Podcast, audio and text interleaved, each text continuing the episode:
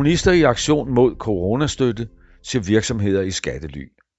Kommunistisk Parti vil i løbet af denne uge gå på gaden for at protestere over, at firmaer i skattely får penge fra de statslige hjælpepakker. I dag starter Kommunistisk Parti en uge lang kampagne i protest mod, at en række virksomheder i skattely har modtaget penge fra hjælpepakkerne under coronakrisen. Citat. Politisk set er det ekstremt vigtigt at sætte fokus på, at milliarderne fra hjælpepakkerne ikke skal gå til virksomheder, der forsøger at slippe for at betale skat i Danmark, siger Jan Mathisen fra Kommunistisk Partis landsledelse og en af hovedkræfterne bag kampagnen. Gennem hele ugen vil Kommunistisk Partis afdelinger rundt omkring i landet gennemføre aktioner foran en række af de firmaer, der har fået penge til lønkompensationsordningen og som samtidig har base i skattely, tilføjer han. TV2 afslørede for nogle uger siden, at 247 af de selskaber, der har modtaget lønkompensation fra staten, i sidste ende er helt eller delvist ejet selskaber i landet, som eksperter definerer som skattely. Samlet set har de modtaget 261 millioner kroner fra staten i lønkompensation. Det drejer sig blandt andet om Lavkagehuset, Synoptik, Sportsmaster, Babysam og Gate Gourmet. For eksempel har firmaet SDK Sport, der ejer Sportsmarts-butikkerne, modtaget 14 millioner kroner i lønkompensation.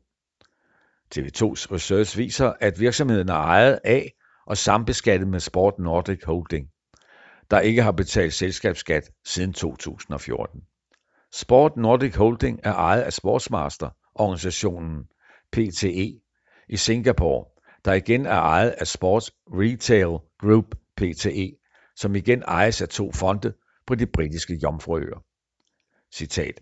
Hensigten med de her sindrige konstruktioner, som vi kan se for alle de syv firmaer, som TV2 har afdækket, er jo at slippe for at betale skat, konstaterer Jan Mathisen.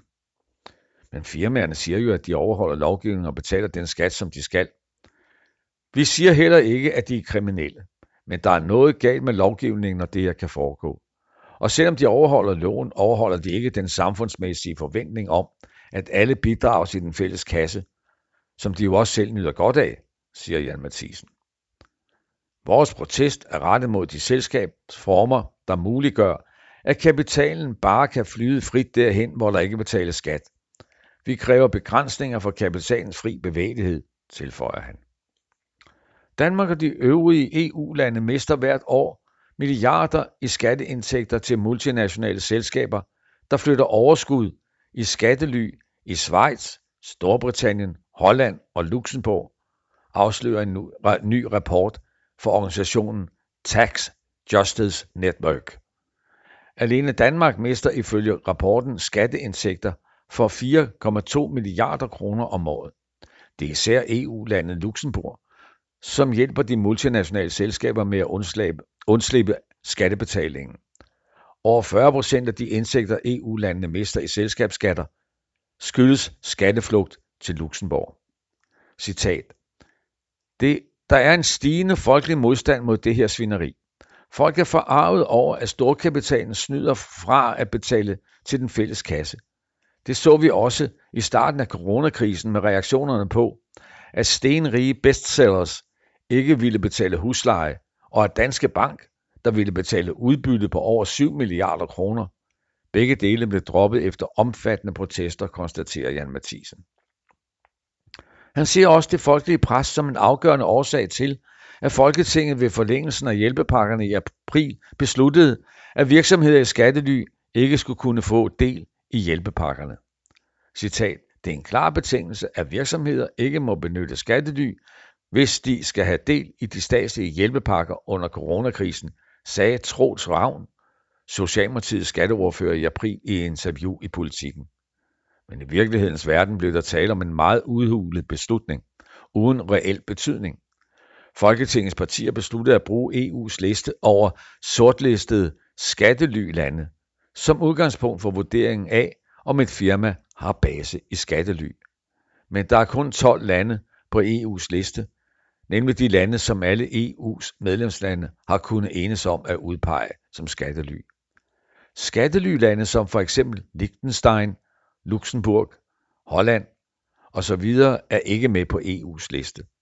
Ifølge projektet The Missing Profits of Nations der er et samarbejde mellem forskere på Berkeley Universitet i Kalifornien, USA og Københavns Universitet, blev der i 2017 ført 33 milliarder kroner for selskabers overskud ud af Danmark. Ud af de mange milliarder blev kun 6,3 procent ført til de skattelylande, der er opført på EU's sorte liste, og som reglerne i hjælpepakken handler om.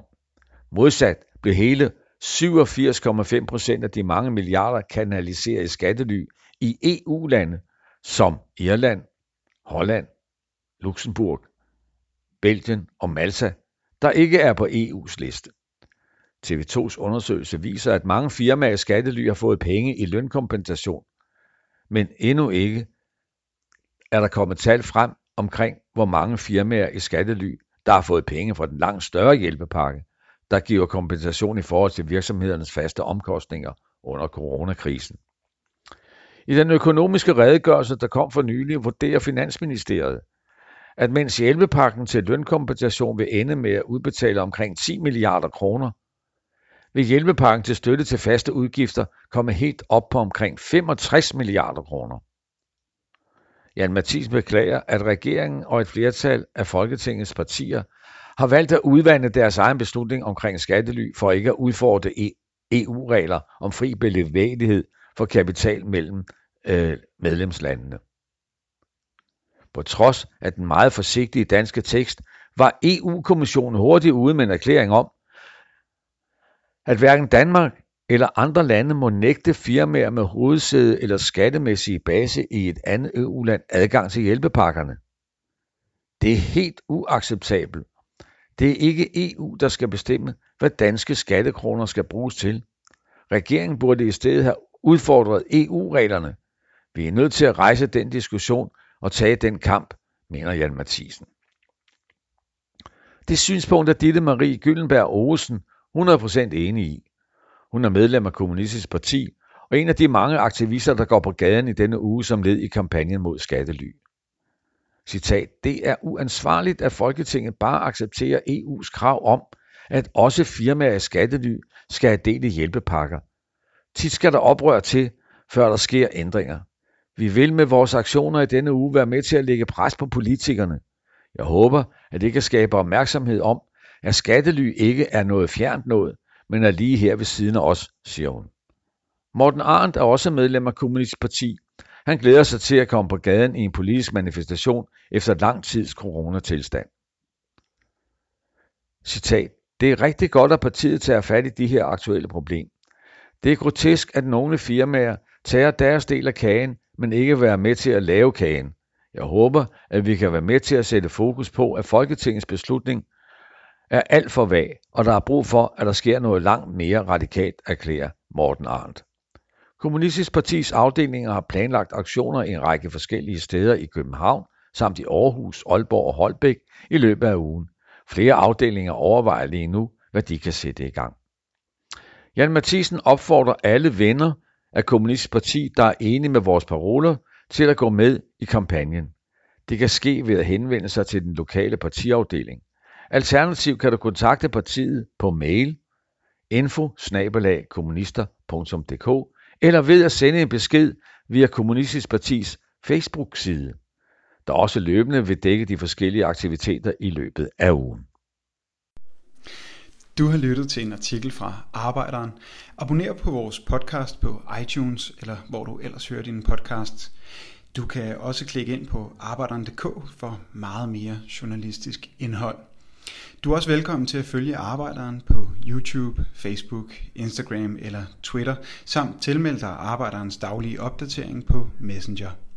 Vil du i kontakt med redaktionen, kan det ske ved at sende en mail til redaktion arbejderen.dk. Tak fordi du lyttede med.